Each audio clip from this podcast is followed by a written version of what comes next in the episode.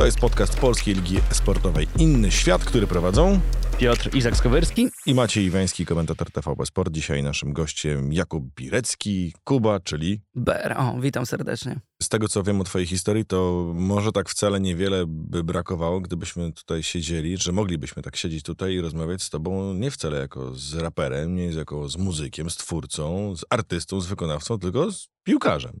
To prawda, to prawda. No gdzieś tam e, w tym wieku nastoletnim, czy już e, wczesno dwudziestoletnim moje główne, główne zajęcie, główna pasja to była piłka nożna i gdzieś tam miałem okazję otrzeć się o jakieś granie już profesjonalne czy półprofesjonalne, no ale drogi potoczyły się nie, nieco inaczej. Ale co to znaczy nieco inaczej? No wiesz, no to, to bardzo ogólnie powiedziałeś. Nie starczyło talentu, nie starczyło charakteru, nie starczyło zdrowia. Kurczę, myślę, że to jest jakaś wypadkowa różnych rzeczy, których nie starczyło. Wydaje mi się, że akurat e, to może to zabrzmi nieskromnie, ale, ale talent raczej chyba, chyba był.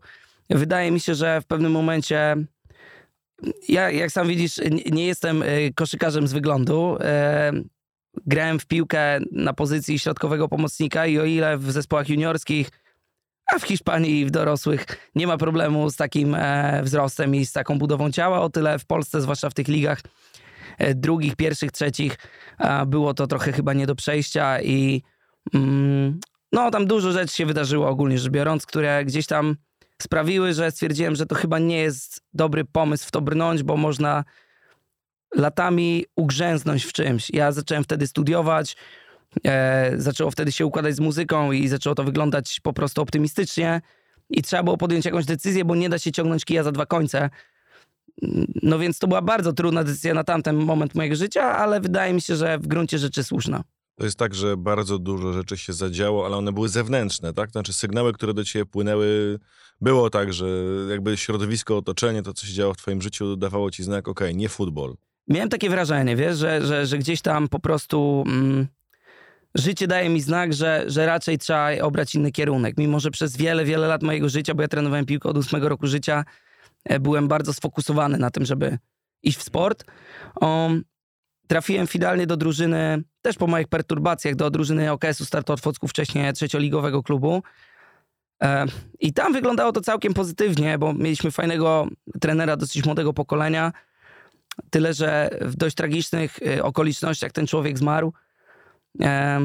Do klubu przyszedł trener, który ze starszyzną, że tak powiem, żył w bardzo dużej komitywie cokolwiek to znaczy, niech każdy sobie dopisze. No, polski futbol, no wiemy polski, o co właśnie, chodzi. Właśnie widzisz i tu chyba trafiłeś w dziesiątkę, gdyż ten polski futbol i ta taka rzeczywistość polskiego futbolu, ta prawdziwa, ona trochę chyba sprawiła, że ja spojrzałem na to z takiej perspektywy, o Chryste Panie, co ja tu robię. Że jakby szansa na to jakby... Poczułem w pewnym momencie, że to, co ja pokażę na boisku, na treningu, zaczyna mieć drugorzędne znaczenie. Że jakby to trochę nie, nie, nie ma wpływu na kariery, bo widziałem, jak progresują kariery innych zawodników i one niekoniecznie wynikały z umiejętności czy dyspozycji. A z czego wynikały? Wiesz co, wynikały mi się z, w, mi się wydaje, że wynikały przede wszystkim z tego, że ci ludzie dość szybko trafili w ręce menadżerów, którzy potrafią załatwić rzeczy nie do końca na boisku, tylko, tylko gdzieś tam w rozmowach. Jak te rozmowy przebiegają, tego już nie wiem. Natomiast miałem taką sytuację mm, w Dolkanie Ząbki, gdzie byłem wtedy trenerem Dolka, Dolkanu Ząbki był yy, Robert Podoliński. Tak, kolega mu z telewizji. Tak jest, zresztą bardzo lubię słuchać Roberta jako komentatora. Świetny i, ekspert. E, I przyszedłem na testy do Dolkanu i, i wtedy Robert był trenerem i gdzieś tam e, dość entuzjastycznie podszedł do mojej osoby. Przetrenowałem z Dolkanem tydzień czasu i finalnie graliśmy sparring z moją, nazwijmy to, byłą drużyną, czyli z młodą ekstraklasą Polonii Warszawa. Wydaje mi się, że. Znaczy, nie wydaje mi się, no już nie będę taki skromny, dobrze zagrałem w tym meczu i, i jakby nie, nie, nie było nic, do czego można było by się przyczepić. I rozmowy toczyły się z tego, co pamiętam, tak, że ja ten tydzień mam przetrenować, a po tygodniu pójdziemy do prezesa, prezes przedstawi jakieś warunki kontraktu. Ja, broń Boże, nie miałem jakiś w głowie nie wiadomo czego, jakiś kwot. Po prostu bardzo cieszyłem się z tego, że po okresie juniorskim od razu trafię do drużyny zaplecza Ekstraklasy Dolkan, który też w tej pierwszej lidze bardzo długo liczył Super się. grali wtedy w ogóle. Dokładnie, plus e, trener Podoliński zrobił na mnie super wrażenie i bardzo chciałem tam jakby pracować nad sobą. No i poszedłem na rozmowę do, do, do prezesa i okazało się, że propozycja jest taka, że na razie to może w ogóle za darmo, w drugiej drużynie, a w tym czasie byli testowani zawodnicy z ramienia pewnego menadżera, którzy no moim zdaniem nie zaprezentowali się jakoś wybitnie, ale oni te kontrakty dostali. No także to też był taki pierwszy dość mocne zdarzenie ze ścianą i takie chryste panie, no mam nadzieję, że to ten jeden raz, no ale razy się powtarzały. Słyszałem naprawdę takie historie bardzo wiele razy, z pewnością zbyt wiele razy, bo jak dzisiaj patrzymy na to, że zastanawiamy się nad naszą reprezentacją i tak dalej, no gdzie są te korzenie? Bardzo często właśnie młodzi, zdolni zawodnicy są podcinani przez różne tego typu e, historie. Piotrek, ty akurat masz te doświadczenia esportowe, to jest trochę bardziej demokratycznie chyba, bo jak grasz w grę, no to, no to Mhm. widać, jakie masz po prostu w niej No nie, no, jakby to, chyba takich rzeczy jeszcze w esporcie nie ma.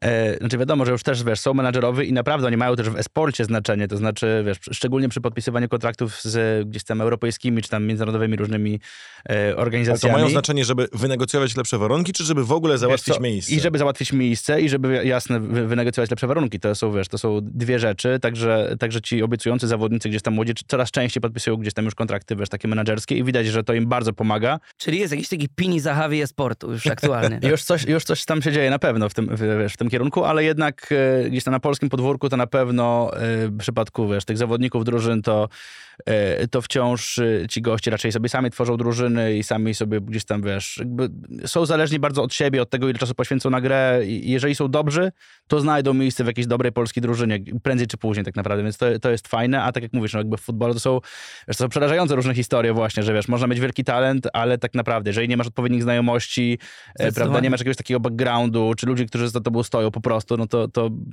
kurczę, może się tak potoczyć, wiesz, może być naprawdę największym talentem w Polsce, ale jeżeli nie dopisze ci gdzieś tam szczęście ludzie, to może się okazać, że, że wiesz, że, że, że nie pójdzie po prostu. I fajnie akurat, wiesz, że ma, miałeś alternatywy w postaci muzyki, gdzie jednak widzisz, no, jesteś utalentowanym muzykiem na pewno e, i, tutaj mogłeś jednak liczyć, że w zależności od tego, wiesz, co ty pokażesz, co to od siebie dajesz, że możesz w tym kierunku iść dalej, że gdzieś tam, wiesz, wiadomo, że też różne są historie, że różne, różne kłody cię mogą rzucać pod, pod nogi, ale miałeś tym świadomość, że tu jesteś zależny sam od siebie, a nie od, wiesz, jeszcze 10 czekaj, innych czekaj, piłkarzy. czekaj. A, ale jesteś zależny w muzyce sam od siebie, tak jak mówi Piotrek, czy nie? Zdecydowanie, zdecydowanie. Tutaj jest dużo, dużo, dużo większe jakby poczucie tego, że wię, jakby to leży gdzieś tam w twoich rękach. Oczywiście jest dużo zależnych, czy, czy, czy ten sukces będzie, czy nie, ale, ale czujesz, że jest jakby dużo uczciwszy ten rynek muzyczny, takie mam wrażenie. Naprawdę? Naprawdę. Ja, ja mam takie poczucie i miałem je od początku i mam je do dziś, ale też nie chcę, żeby źle wybrzmiały te moje poprzednie słowa, bo ja nie chcę mówić, że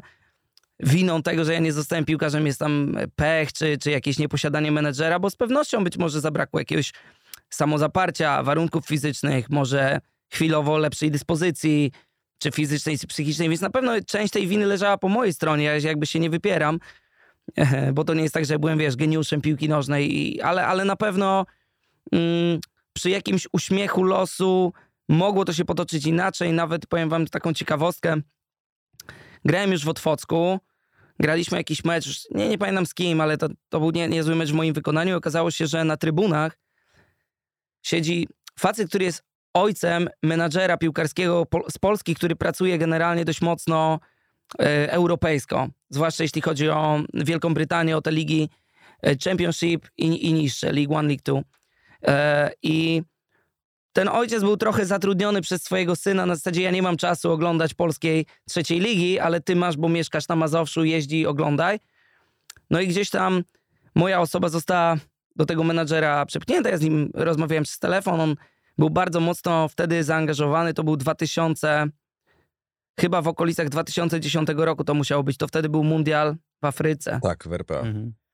I pamiętam, że on wtedy miał bardzo dużo jakby na głowie i mówił mi, że się odezwie po tym, po tym mundialu. No gdzieś ten temat umarł. Ja uznałem, że jakby no, człowiek się odezwał, zapomniał. Nie zadzwoniłeś Jakby- do niego? E, nie zadzwoniłem. Mo, nie wiem, może byłem rzeczywiście... e, Widzisz, może to jest pewna część e, mojej winy, że ja byłem taki, że... Nie, miałem takie podejście Niech mnie znajdą. Trochę tak. Trochę na zasadzie, że jeżeli coś ma się wydarzyć, to nie ze względu mojego puszowania, tylko ze względu, że ktoś to zauważy i powie, okej, spróbujmy. I co ciekawe, ten człowiek zadzwonił do mnie pół roku po tym, jak ja skończyłem grać w piłkę. Że tak, że on znalazł już miejsce, że ten, że załatwił Super. testy, wyjazd. Ja mówię, to fajnie, tylko ja już pół roku nie kopię, nie? On, no było mu wtedy smutno, też, też tak powiedział, że kurczę, trochę miał w tej rozmowie, nie wiem czy prawdziwych, czy takich kuluaro, ku, ku, jak to się mówi? E, że kurtuazyjny. kurtuazyjnych, dokładnie, pretensji do siebie, mm, że mógł zadzwonić wcześniej, no ale no jakby temat się, się rozmył. Także rzeczywiście może brakowało tyle, ale tak jak mówię, ja nie żałuję, bo, bo, bo życie potoczyło się dość fajnie i No tak, ale czy w muzyce też jesteś takim człowiekiem i kiedy zaczynałeś w tej branży, kiedy potem się przebijałeś, że niech mnie znajdą, czy, czy jednak wykazywałeś też taką inicjatywę, że czasami trzeba było gdzieś po prostu, wiesz, nie drzwiami to oknem? Bo Tak. życie, życie czasami jest brutalne, trzeba Wie- po prostu się poprzepychać ma, ma, masz rację i tego się nauczyłem przez lata, tego przepychania i tego takiego y, pa, parcia y, do przodu, nawet jak coś, coś nie idzie, nawet jak jakieś drzwi są zamknięte. Natomiast w muzyce o tyle ta y, sentencja, niech sami mnie znajdą, ona, ona się wydarzyła. Bo ja wrzuciłem po prostu jakieś rzeczy na YouTube'a i to zaczęło wiralować samo z siebie. Jakby macie ja- dużo wspólnego z Piotrkiem, który W sensie- za, zaczynał i został No, po prostu dostrzeżony. Więc widzisz, ja nie potrzebowałem jakby kontaktów w branży, ja nie potrzebowałem kontaktów gdzieś tam, tylko po prostu moja postać zaczęła, te, ten YouTube zaczął oddawać, jak to się dzisiaj modnie mówi, e, i, i zaczęło się dziać i ci ludzie sami do mnie zaczęli dzwonić i to było takie dla mnie okej, czyli tutaj więcej rzeczy zależy ode mnie. Tak po, poczułem po prostu, że tu jestem sam w sobie wartością. Ale jakoś to się musiało zacząć. Y, Jak doszło do tego, że bo to, że wrzuciłeś na YouTube i było to początkiem innej drogi, no to było też końcem pewnego etapu. I jak to u Tak. ciebie wyglądało? Znaczy, to, to było też tak, że e, w pewnym etapie to, to były dwie rzeczy idące równolegle. E, pi- Piłka nożna cały czas była stawiana przeze mnie na piedestał i była najważniejsza, a tutaj po prostu kolega namówił mnie, jeszcze byłem wtedy w liceum, namówił mnie, pokazał mi filmik w internecie takiego chłopaka, który szybko rapuje i to tam zrobiło viral w Stanach. I on mówi, no stary, ty też byś umiał coś takiego zrobić. I ja tak sobie pomyślałem, kurczę, może rzeczywiście. A skąd on to wiedział, że to byś to umiał?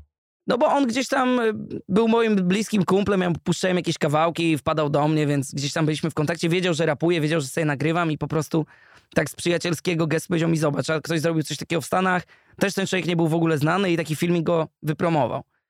No ja sobie pomyślałem, no dobra, mam jakąś tam kamerkę w domu, ustawię, nagram filmik, wrzucę i tyle.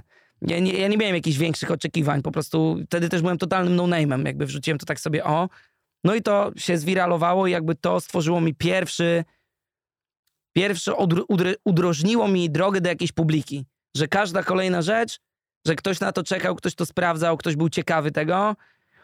No ja też miałem do zaproponowania ciekawe rzeczy, więc, więc każda kolejna rzecz budziła znowu emocje i ja w ogóle, co ciekawe, na tamten etap byłem bardzo kontrowersyjną postacią w polskim rapie. I dzisiaj to e, generalnie brzmi trochę zabawnie, ale wtedy po pierwsze, ja byłem chłopakiem z internetu, co było nie do przeżycia. Wtedy trzeba było na bitwy freestyle'owe jeździć, w środowisku się spotykać, e, jarać razem jointy, nagrywać razem w studiu, no robić różne rzeczy. Ja w tym życiu nie uczestniczyłem, bo moje życie to było boisko, szatnia i piłka, piłka więc jakby nie miałem na to czasu. E, no więc tam był taki zgryz trochę, że jak to, no my tutaj robimy sobie środowisko, jakiś chłopak przychodzi do internetu, wrzuca i on zaczyna być popularny. Nie może tak być. Dodatkowo miałem, nazwijmy to, fryzurę na piłkarza, czy jakieś tam włosy uczesane. Chodziłem raczej w wąskich spodniach, co wtedy było mocno passe w środowisku hip-hopowym, więc ja budziłem takie emocje bardzo skrajne. Jedni słuchacze młodego pokolenia jakby kupowali to i jarali się tym, że jest postać, która pokazuje to z zupełnie innej strony, no ale była też ta ortodoksyjna strona, która mówiła, halo, halo, to jest hip-hop, to nie może tak wyglądać. I no tam ba- bardzo dużo było takich e, 50 na 50 powiedziałbym opinii w tamtym okresie. Czyli to środowisko było takie hermetyczne w ogóle, tak? Bardzo, o dopuszczanie w ogóle ludzi to trzeba było wejść w odpowiednie faktycznie buty, prawda, żeby się wpisać w ogóle w to środowisko, a ty w ogóle wjechałeś w to, w to z buta w ogóle z zupełnie innej Tak. strony. I powiem ci, że nawet jak przeglądałem różne twoje e, kawałki na YouTubie i patrzyłem na komentarze, to, to wiel- wielokrotnie widziałem takie komentarze pod tytułem wow, wiesz co, ja pamiętam ciebie, wiesz, tam sprzed 10 lat, jak wiesz, jak zaczynałeś na YouTubie i, i wiesz, i to jest niesamowite, jaką drogę przeszedłeś, że jak się, się to miło obserwuje, wiesz, jakby od jakiego punktu zaczynali, zaczynałeś ty i jak, od jakiego punktu oni zaczynali razem z tobą, w jakim punkcie jesteś teraz, wiesz, że to jest super w ogóle dla widzów z YouTube'a często e, i tutaj na pewno mogę się też jakby porównać do ciebie, mimo że robię coś zupełnie co innego, ale to jest fajne, że ci widzowie są z nami od początku, prawda, i mogą śledzić, śledzić Drogę. całą twoją drogę, jaką przebyłeś, wiesz, y, y, zatrzymując się na różnych takich ważnych punktach w twoim życiu, prawda, e, i że oni są z tobą od samego początku i że oni też to przeżywają, wiesz, na swój sposób, tak samo jak ty. Tak, no dla nich to jest jakiś rodzaj mm, reality show na żywo. W sensie widzą tą drogę, przeżywają ją razem z tobą, Mhm. pamiętają punkt wyjścia i punkt obecny, więc to jest super i powiem ci, że to jest w ogóle takie, może, mo- może takie odważne stwierdzenie z mojej strony, ale ja uważam, że ja bardzo przetarłem drogę wielu osobom, bo ja byłem troszkę czarnym koniem, czarnym koniem, źle powie- bo, bo no, finalnie tak by wyszło, ale taką mm, osobą, na którą tych pejoratywnych e, różnych metek zostało doklejone w pewnym czasie e, i spłynęło na mnie trochę hejtu, ale każda kolejna osoba będąca w jakiś sposób kontrowersyjna miała ciut łatwiej. Dzisiaj raperzy mogą ubrać się jak chcą, futra, tatuaże na twarzy, kolorowe włosy. Jakby totalny jest w tym, jakby totalny luz, nawet trochę jest to wymagane, że ten wizerunek dzisiaj musi być ciekawy. Ja się z tego powodu bardzo cieszę, bo uważam, że artysta powinien mieć formę ekspresji w każdym tego znaczeniu. Powinien nie tylko muzyką, nie tylko głosem, ale osobowością i wizerunkiem też przedstawiać coś. E, wtedy to było nie do przyjęcia. Wtedy to było absolutnie B i, i to było ciekawe zderzenie z rzeczywistością dla mnie, bo ja też byłem cały czas młodym człowiekiem, e, 20 powiedzmy 20-21-letnim i musiałem na swój bagaż wrzucić to, że nie każdy mnie lubi, jedziemy do jakiegoś miasta na koncert, z pewnością przyjdzie sporo ludzi, którzy chcą posłuchać się bawić, no ale też mogą przyjść ludzie, którzy mogą sobie pobuczeć, mogą sobie coś tam pokrzyczeć, zwłaszcza po wypiciu kilku głębszych. I miałeś takie sytuacje faktycznie, że na koncertach, wiesz... Tak, one, one nie były częste, to nie Mhm. była re- regularna, że tak powiem, e, procedura koncertowa, ale one się zdarzały rzeczywiście. Były jakieś pogróżki, o ile one były jakby prawdziwe, a o ile miały po prostu być na piśmie, będzie śmiesznie. No ale takie rzeczy się zdarzały rzeczywiście, więc to była jakaś tam droga, którą trzeba było przeżyć, ale ja się nauczyłem tego, że proof of content daje ci tak naprawdę czas. Jeżeli, jeżeli przetrwasz tą próbę czasu, jeżeli pokażesz ludziom, że okej, okay, życie artysty to są sinusoidy, są lepsze, gorsze momenty i to one jeszcze wielokrotnie się pojawią, ale jeżeli ty w tym trwasz, jesteś konsekwentny, to w pewnym momencie nawet nie chodzi o to, że wszyscy będą cię słuchać i klaskać, ale nawet jak nie będą cię słuchać, to powiedzą okej, ale temu ziomkowi się należy szacunek. No, bo, jesteś, bo byłeś prawdziwy od samego tak, początku ja go nie słucham, końca. nie? ale ten gość przeszedł próbę czasu, zaczął jak miał 20 lat, dziś ma 30, jest tutaj dalej, ma swoich słuchaczy, gra koncerty, wydaje płyty. Ja tego na przykład nie słucham, ale, ale jakby szacun dla tego ziomka i tyle. I to jest bardzo fajne, że tak naprawdę dobrnęliśmy do tego momentu, że tak jest, że raczej już ja się z jakimś hejtem nie spotykam, a jeżeli on jest, no to od ludzi, od których ja bym nawet nie chciał, żeby byli moimi słuchaczami, więc... No to duża dojrzałość, bo e, sporo osób ma tak, że jednak przejmuje się, jeżeli już usłyszy gdzieś swoje nazwisko, czy nawet ksywę, gdzieś tam to ich mocno dotyka, ale domyślam się, że musiałeś ubrać taką mocną skorupę, mocny pancerz. Wiesz, zawsze zahartowałeś się trochę, Mogłeś nie? sobie też pomyśleć, że okej, przyjdą pobuczyć, ale zapłacą za bilet, nie? No właśnie, to je- jest pe- pe- pewien etap, że ktoś jednak musiał zapłacić za to. Natomiast buczenie na pewno nie jest niczym przyjemnym. E, ale ten pancerz raczej po prostu skru- skóra grubła z wiekiem. Ona, ona z każdym kolejnym przeżyciem, jakimś doświadczeniem, ona po prostu była grubsza i dzisiaj do, doszedłem do etapu, w którym ja jestem do, dosyć dorosłym, dojrzałym człowiekiem, który wie, co samo, sam stanowi i jakby nie za bardzo te opinie dookoła mnie interesują. Zarówno te e, robiące ze mnie bożka, jak i te robiące ze mnie kogoś tam bardzo złego i nie, nieadekwatnego. Jakby Tak, trzymamy się piłki nożnej. W 2008 roku Leo Benhacker powiedział, w Polsce jest tak, że jednego dnia jesteś Bogiem, a drugiego dnia jesteś gównem. Cytat dosłowny. No, no i to, to jakby minęło od tamtego 14 lat, a to jest. dalej funkcjonuje. Obawiam się, że nic z tym nie zrobimy. 20 lat, gdzie, gdzie byłeś mając 20, wiemy. Zaczynałeś wtedy, kończyłeś z futbolem, zaczynałeś z Tak muzyką. 30, wiemy, bo rozmawiamy teraz, a co będzie za 10? To jest bardzo ciekawe pytanie. Dlatego, że w ogóle na przestrzeni tych 10 lat wydarzyło się tyle rzeczy, których ja bym się nie spodziewał. Na przestrzeni ostatnich dwóch lat wydarzyło się tyle rzeczy, że ja bym się nie spodziewał, że się wydarzą. No na przykład. Na przykład zrobienie płyty ekipy. To jest takie w ogóle jakby bardzo ciekawe, bo powiedzmy w 2000, nawet już nie cofajmy się do 2010, ale weźmy 2017 rok, to, to dalej YouTube Rap był taki raczej owiany złą sławą i tak dalej, po czym mamy 2020, 2021 i ja mam okazję pracować z największymi influencerami w Polsce, robić im e, teksty na płytę, muzykę, e, uczestniczyć w tym procesie, obserwować e, to, jak to wychodzi i jak na przykład jeden z utworów, który miałem okazję napisać, ma 100 milionów wyświetleń na YouTubie i jest ogólnopolskim hitem. No to jest generalnie coś, co mm, jak sobie patrzę na tą całą drogę, że, że- jest generalnie jakimś rodzajem szaleństwa, więc ciężko mi powiedzieć, co będzie za 10 lat, Aczkolwiek mogę ci powiedzieć, że na pewno ja będę chciał robić cały czas swoją muzykę, ale bardzo wdrożyłem się w ogóle w tworzenie też songwritingowe, czyli pisanie piosenek dla ludzi. Produkcja też pewnie. Produkcja, ja mam swoje studio, więc jakby realizacja nagrań, to jest coś, co cały czas mnie kręci, coś, co lubię i to jest też e, jakiś pomysł na emeryturę. Na zasadzie, że nie, nie, nie wiem, czy będzie mi się w perspektywie całego życia chciało być ciągle w trasie jeździć, bo to jest y, męczące, bycie ciągle na wal... czekaj, ale jesteśmy po pandemii, więc wiesz. to- Tak, dlatego teraz jakby nie marudzę, kalendarz mamy zapchany, nie mamy wolnego weekendu do końca października i to jest super i się bardzo z tego cieszę. No ale też nie wiem, co będzie za lat 10, jak wspomniałeś. Może, może będzie jakieś wypalenie, może będzie jakiś taki moment, że będę chciał po prostu od tego odpocząć. Na a- rok, a na jaką, dwa lata. jaką muzykę sobie będziesz jeszcze robił? Bo wiesz, zacząłeś od rapu, na pewno tak, ale tu się pojawiło trochę popu, tu jakiś punk rock faktycznie, prawda? Więc to gdzieś tam trochę trapu, jakiegoś takiego, wiesz... Nawet to... spotkałem się z recenzją e, jednej z twoich ostatnich aktywności, że zdradziłeś rap. Być może, być może. Natomiast ja nigdy, wiesz, nie klęczałem przed rapem z pierścionkiem, nie? Więc jakby nie, nie czuję się tutaj zobligowany do, do całej swojej życiowej drogi poświęcenia na jeden gatunek. W ogóle z perspektywy artystycznej wydaje mi się to strasznie nieartystyczne.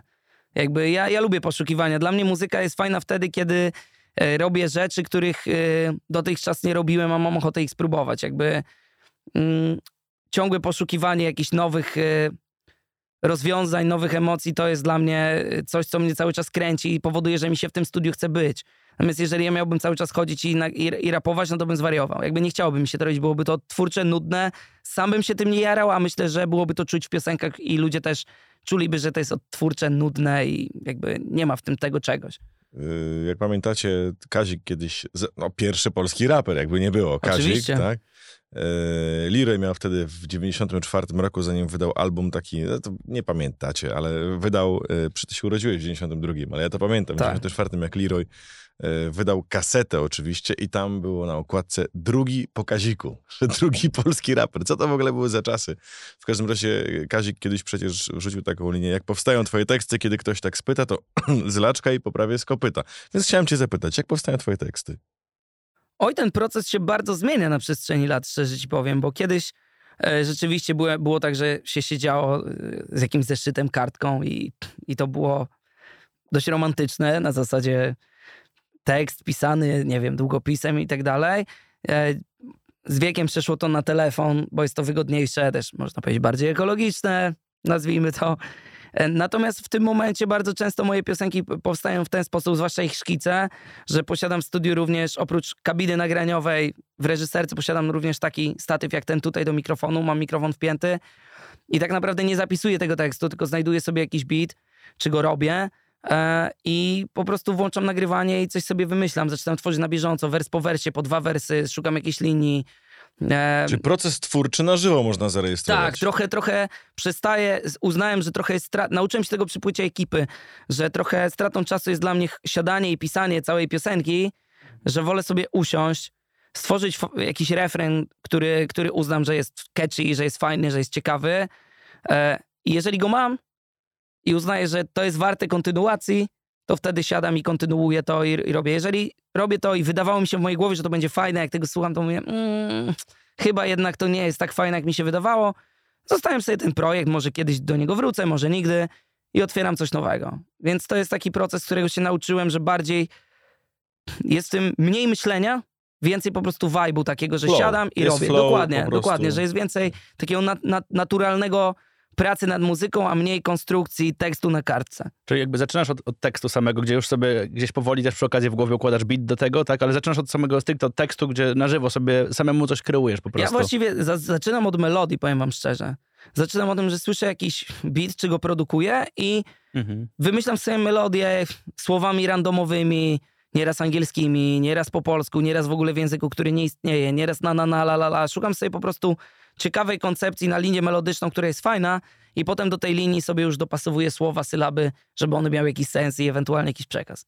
Mam kolegę, który jest gitarzystą, który kiedyś właśnie, no wiele lat temu, pamiętam, zabrał mnie do studia. Mm, To było w trakcie nagrywania y, Powrotu Wilków. Tam w tym samym studio Baśka była nagrywana. Pamiętacie, że to był taki hit. w- Sta, Legendarny. stare wilki były legendą, a potem nagle wr- wrócili i A to- zaczęli grać coś To kompletnie widzisz, to jest innego. takich ciekawostek, słuchaj, wyobraź sobie, że ja w drużynie w CS-a przez dwa lata grałem z synem Gawlińskiego, z, te- który zresztą później został gitarzystą też Wilków, widzisz. Piękna historia. No, nie, nie wiedziałem tego. Jeden z największych talentów CS-owych na polskiej scenie. On się w końcu zajął muzyką, ale gdyby był graczem, uważam, że byłby jednym z najlepszych na świecie. Ciekawe. Graczy. Yy, Natomiast wracam do tego, że wtedy pokazali mi ludzie w tym studio, że najpierw robisz całą tam linię melodyczną, potem w ogóle to nagrywasz, potem nagrywasz to, na, po, po, oni to nazwali po indiańsku, czyli na, na, na, a dopiero potem na końcu ktoś Tak. siada, słucha tego i tworzy do tego tekst. I Tak. wszystkie refreny, które pisał, yy, czy pisze dalej yy, Robert Gawliński, są właśnie, zobaczcie, są piękne, melodyjne.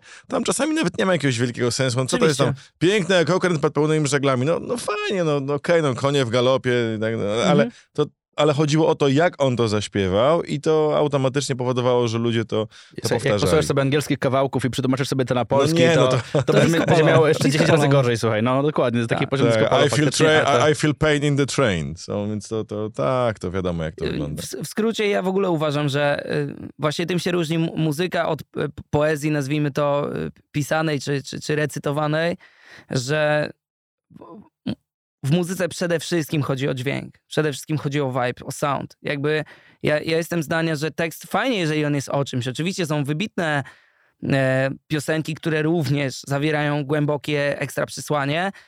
E, natomiast wydaje mi się, że nawet fantastyczny tekst bez dobrej melodii mm, nie zachwyci ludzi, jeśli chodzi o muzykę. Jednak w muzyce oczekuje się brzmienia. Tekst jest Mhm. drugorzędny, nawet nie sam tekst, ale bardziej jego sens.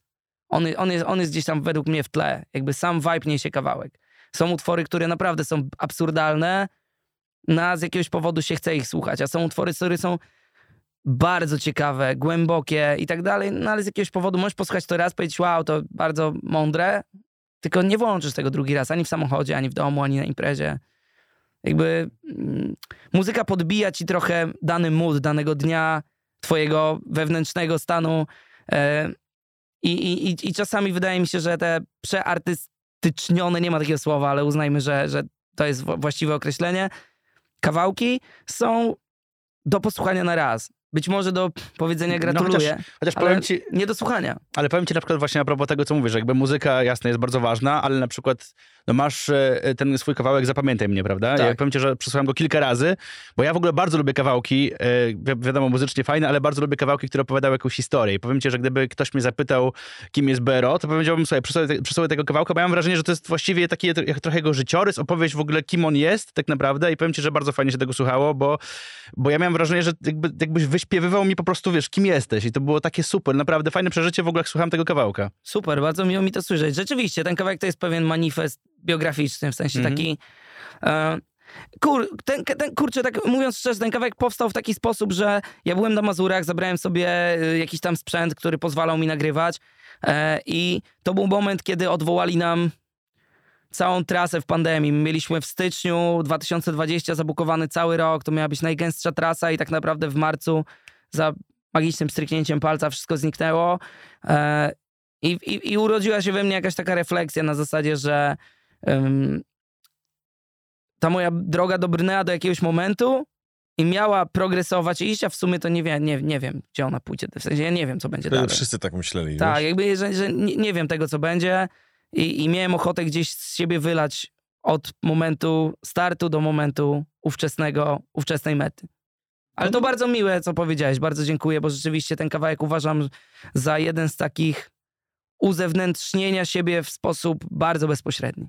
Ale życie wróciło, kluby wróciły, wielu młodych mężczyzn w tym kraju, jadąc sobie do klubu, wrzuca sobie zimne jak lód na przykład, bo Z to... pewnością, z pewnością. To No, ja nie wiem, czy to było biograficzne, nie będę ci potem jak żonę poznałeś, ale powiem ci, że gdzieś tam y, zauważyłem, że y, no nie wiem, bo czy ty w ogóle uważasz siebie za rapera, czy bardziej muzyka i producenta?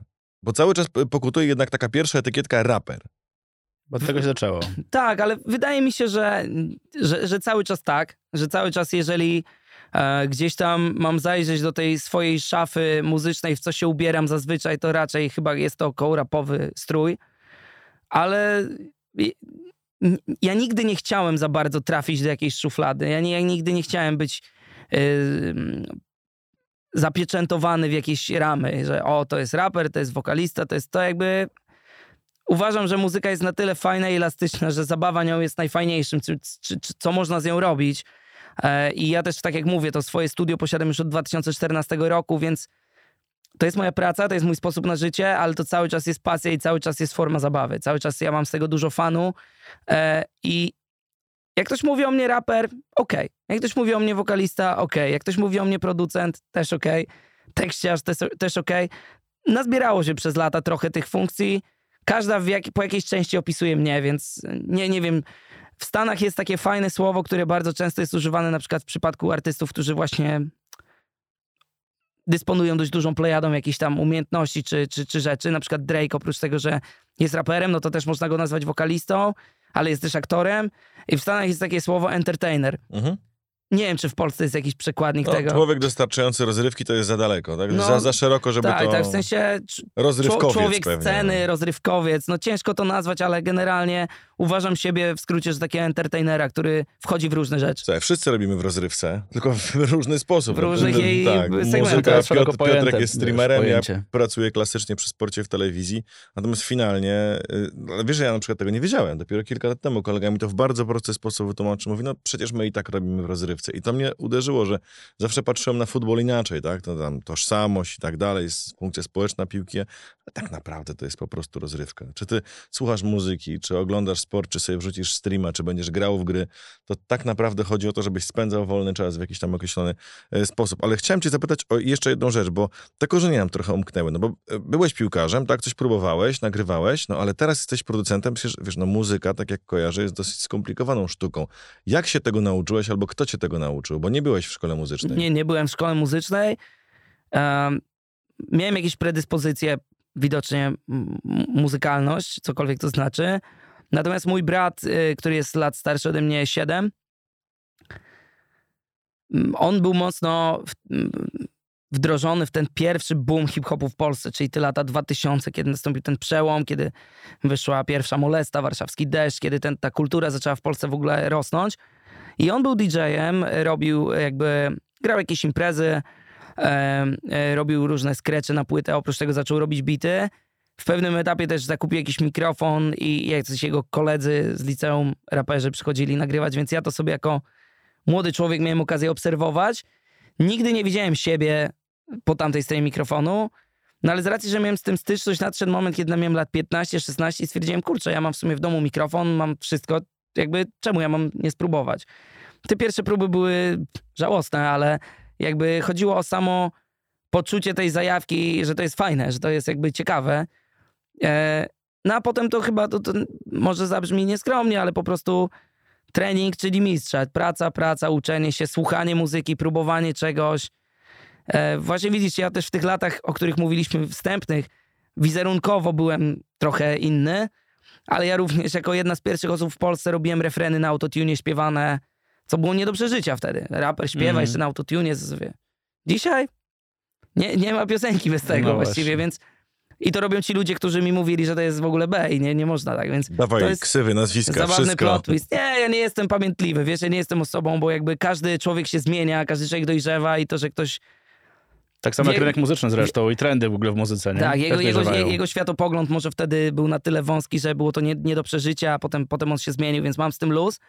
Ale, ale mam tą świadomość, że na pewno pewne rzeczy zrobiłem jako jeden z pierwszych, jeśli nie pierwszy. I to mam tego świadomość. I wylało się trochę jakiegoś tam pomyj za to, ale mimo wszystko, patrząc na ten background, jestem z tego bardzo szczęśliwy, bo e, fajnie jest wiedzieć, że możesz się pochwalić i to, to są fakty, w sensie to nie jest moja, mój wymysł, tylko jak wejdziemy sobie w utwory na YouTubie, to tam jest data wrzucenia i łatwo jest sprawdzić, kto takie rzeczy robił pierwszy i, i łatwo jest sprawdzić, że ja byłem na pewno w tym gronie ludzi, którzy się tego nie bali robić. Ktoś, kto nigdy nie próbował napisać tekstu, nie zdaje sobie sprawy z tego, jak trudny jest polski język. Jest o, Bo angielski trudny. jest idealnie właśnie kolejną częścią jakby instrumentarium, po prostu uzupełnia. Dlatego nie mogą śpiewać głupoty i, i tak naprawdę w tłumaczeniu wychodzi nam disco polo, albo jeszcze prościej. Natomiast w języku polskim, no... pff, Ale w ogóle to, To jest niesamowite, bo widzisz, bo to jest muzyka, ale uważam, że przy, przy komentowaniu jest bardzo podobnie. To znaczy, komentowanie po polsku uważam jest dużo trudniejsze niż po angielsku, gdzie To masz prawda. gdzie, gdzie no, tych takich, e, wiesz, zwrotów takich ekspresyjnych masz tyle po angielsku, które brzmią tak naturalnie, a w Polsce wszelkie okrzyki, wiesz, radości, no czasami brzmią tak dziwnie, cringe'owo nawet, prawda, że, że to naprawdę trzeba bardzo uważać, bo, bo to może na- zabrzmieć naturalnie, więc, e, więc uważam, że komentowanie po polsku to też jest jakby pewna sztuka w ogóle, wiesz, No żeby język, język mamy taki, tak jaki mamy. No dokładnie, to jest, Nic to nie jest, zrobisz. bo to jest no. właśnie mało taki ekspresyjny język i wiesz, wyciągnąć z tego dużo ekspresji, z niektórych zwrotów przy komentowaniu sportu, czy przy tworzeniu fajnej muzyki, to nie jest wszystko takie proste. To, to jest naprawdę skomplikowany proces. Też tak uważam, w ogóle jestem ciekaw, bo my tego nie jesteśmy w stanie do, końca doświadczyć, ale tak jak słuchamy jakiegoś języka, nie wiem, ko, kogoś, kto mówi, nie wiem, e, chociażby po chińsku, to, to, to już dla nas brzmi, ale no chiński jest dość specyficzny, ale Ale wiesz, że mają swoją scenę rapu. I to, I Mają. to kontrolowaną przez państwo, żeby było zabawnie. no cóż,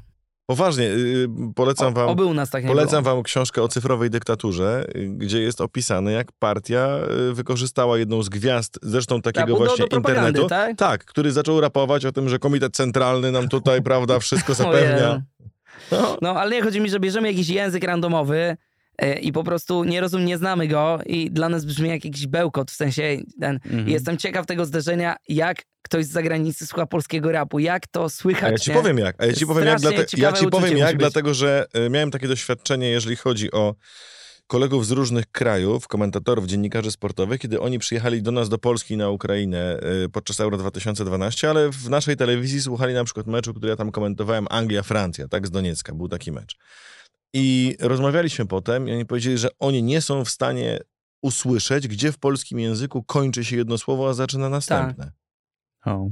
Dla nich to jest potok, mówi, gdzie po angielsku może to spokojnie rozróżnić. Nie ma czegoś takiego, więc nie, do, nie dość, że jest jeszcze bardzo dużo twardych elementów, które powodują, że nie masz takiego flow, ten język nie płynie po Tak, polsku. no mamy twarde zgłoski. No to jeszcze bo oni nie są w stanie ocenić po prostu, gdzie, co, gdzie jest początek, gdzie jest koniec. Koniec. No to prawda, to prawda. Ale powiedziałeś taką ciekawą rzecz i do, do niej chciałbym wrócić o tej rozrywce, że wszyscy robimy w rozrywce i właśnie Drake miał taki wers bardzo ciekawy, no bo on też, jak w sumie wszyscy raperzy w Stanach, ma też sporo kumpli ze świata sportu, koszykarzy, pił, y, jakby no piłkarzy chyba nie, nie można nazwać, futbolistów amerykańskich. Tak, futbol Mhm. amerykański. Futbol tak. amerykański. Bejsboliści, ale to głównie NBA. Tak, i, i po prostu on nawinął taki fajny wers, że jakby, że nasza praca y, is similar, similar us because we wanna be them and they wanna be us. I to było strasznie fajne, że trochę tak jest, że raperzy, artyści trochę chcieliby być tym sportowcem, strzelić tą bramkę, rzucić ten decydujący punkt z odliczaniem i, i, i poczuć tą wrzawę, a jestem skłonny uwierzyć w to, że wielu zawodników, piłkarzy, koszykarzy chciałoby wyjść na scenę i poczuć ten aplauz, nie być w drużynie, tylko być tym... To, był- to, był- to był taki, tak? taki bardzo fajny wers, że w sumie trochę tak jest, że trochę my chcielibyśmy być nimi, oni trochę chcieliby być nami. Wiesz co, No. bo to jakby wszystkimi rządzą te emocje tak naprawdę, nie? I, I myślę, że tak, taki raper, który wychodzi na scenę, ma, wiesz, ma, ma te emocje pewnym ciągiem. Wiadomo, że jak są te piosenki, wiadomo, że gdzieś tam po, po wykonaniu utworu będą to oklaski jasne, e, ale, ale myślę, że też jakby przez to, że oni mają te emocje ciągiem, a sportowiec, załóżmy, tak, rzucają za trzy punkty, czy piłkarz strzelający bram, bramkę, czy ktoś, kto e, tego home run- home runa zaliczy, No to ma nagle te emocje po prostu tak, wiesz, skumulowane w jednym punkcie, że chcieliby przejść, wiesz, jak to jest, kiedy te wszystkie emocje z takiego koncertu się łączą, wiesz, w tym jednym punkcie. A z drugiej strony, wiesz, taki, taki piłkarz może chciałby, wiesz, poczuć, takie, jak to jest, bo też ci ludzie uwielbiają emocje i często po zakończeniu kariery tacy piłkarze, sportowcy mają z tym wielki problem. I chcieliby poczuć, jak to jest, kiedy to rozciągniesz właśnie, wiesz, przez dłuższy czas. Być może właśnie Tak. o, o, do tego bił Tak. też, nie? Też w, w ogóle ta adrenalina, wydaje mi się, niezależnie czy, czy mówimy o scenie muzycznej, czy w, przede wszystkim o sporcie, ona stanowi tak ważny element życia, tak, nie wiem, czy to jest dobre słowo, ale narkotyczny, Mhm. uzależniający, Uzależniający jest bardzo. że wydaje mi się tak jak, nie wiem, powrót Schumachera do Formuły 1, ba bardzo trudno, kiedy dostarczasz jakiś naprawdę ogromnej adrenaliny w życiu przez bardzo długi czas, żyjesz tym, to jest całe twoje życie i nagle tego nie ma. Wydaje mi się, że to może być okropne. Wiesz, 85% Mhm. piłkarzy Premier League bankrutuje w ciągu pięciu lat po karierze. Bo po Naprawdę? pierwsze, Aż taka tak, jest statystyka? Po pierwsze wpływy się kończą, po drugie nie są w stanie... W Nie umieją duże- zarządzać pieniędzmi też. Nie zostali te- tego nauczeni. Ale też nie wiedzą, wiesz, no teoretycznie mają tam super doradców i tak dalej, ale realnie wiemy, jak to wygląda. I też y, no, często żony odchodzą, często okazuje się, że nie ma pomysłu na to, co dalej. Natomiast muzyka i sport mają jedną rzecz mocno wspólną. Ponieważ czy byłbyś piłkarzem zawodowym i grałbyś teraz na poziomie reprezentacji, czy jesteś muzykiem, który ma konkretne dokonania w tym kraju, to masz za sobą jakąś grupę ludzi, która cię wspiera, tak? którzy są fanami. No i to tutaj jest taki punkt w, bardzo wspólny pomiędzy światem sportu i światem sztuki. Pamiętam, miałem kiedyś taką przyjemność, yy, maleńki epizod yy, w filmie Skrzydlate Świnie. Ania Kazajek, pani reżyser, yy, prawie całkowicie mnie z tego wycięła, ale yy, powiedziała mi wtedy, że Byłem tam 3-4 dni na planie. E, Natomiast y, spotkałem y, Pawła Małoszyńskiego i Piotra Roguckiego. Jeden jest wokalistą, drugi jest aktorem, tak. ale. y, Choć ale to o- się przenika, bo Roguc gra. Jest, Tak, fajne role w ogóle Oczywiście, a, a Małach y, z kolei, y, Paweł Małoszyński, y, miał przecież swój własny zespół. I pamiętam, że byłem świadkiem takiej ich rozmowy na planie, kiedy oni właśnie wyraźnie czerpali ze swoich wzajemnych doświadczeń i wręcz sobie powiedzieli, że chcieliby się zamienić rolami. Że aktor chciałby być muzykiem, a muzyk chciałby być aktorem. I to jest wszystko oczywiście w jakimś tam stopniu do zrobienia, ale, ale to przenikanie jest najwyraźniej nie tylko gdzieś taką chęcią i, i, i próbą spróbowania czegoś innego na scenie amerykańskiej, tylko tak samo jest u nas. Tak samo, takie Tak. same emocje, takie same chęci. Znaczy, Wydaje mi się, że w ogóle nieważne jaką masz pracę, nieważne ile ona dostarcza emocji, w pewnym momencie staje się rutyną. Pewnym momencie staje się już e, w jakimś stopniu, no dla piłkarza wyjście na mecz cały czas pewnie jest jakąś emocją, ale z drugiej strony jak jesteś piłkarzem jak Cristiano Ronaldo, zagrałeś już wszystko, e, jesteś profesjonalistą, wychodzisz w pełnym skupieniu, ale przypuszczam, że inaczej wychodzi się na mecz z Wolverhampton, a inaczej na finał Ligi Mistrzów.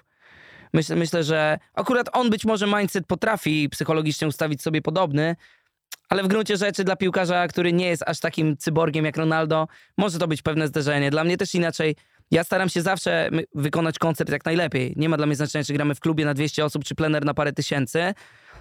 No ale nie ukrywam, że jak wychodzę i, i mm, czuć, który koncert cię niesie i który Mhm. sprawia, że chcesz dać z siebie 115-120%, a w którym jak dasz 80, to będzie ok. Ja zawsze staję się da- dawać 100, niezależnie od tego, gdzie gram.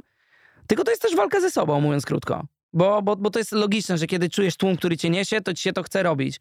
Kiedy reakcje publiki, nie wiem, z jakiegoś powodu nie są aż tak e, entuzjastyczne, nie są aż tak żywiołowe, a znasz też te- tą, tą żywiołowość publiki z innych przestrzeni, no sprawia to taki moment, kiedy, kiedy masz wrażenie, że choćbyś na tej scenie zaczął żonglować piłkami, robić salta i rapować jednocześnie, to jakby to dalej ze mną. Nie, aha, bo, wiesz, aha, bo to są te okej. em- emocje, które cię ładują jednak, nie? I Tak. to, wiesz, to przy pr- pracy komentatora też tak jest, że wiadomo, są, są mecze, które, jakby to też jest twoja praca, które musisz zrobić i myślisz sobie, No no, okej, właśnie. wiesz, jakby, no komentujesz, jasne, są, są też emocje, bo to też jest sport, który kochasz, prawda? Ale zupełnie co innego, kiedy komentujesz mecze na Mundialu, czy finał Ligi Mistrzów, prawda? Zupełnie co innego, kiedy komentujesz, nie wiem, mecz polskiej eks, ekstraklasy, wiesz, pomiędzy No dwoma inaczej się chyba outsiderami. komentuje Łęczną z Brookbetem nie cieczą 0-0.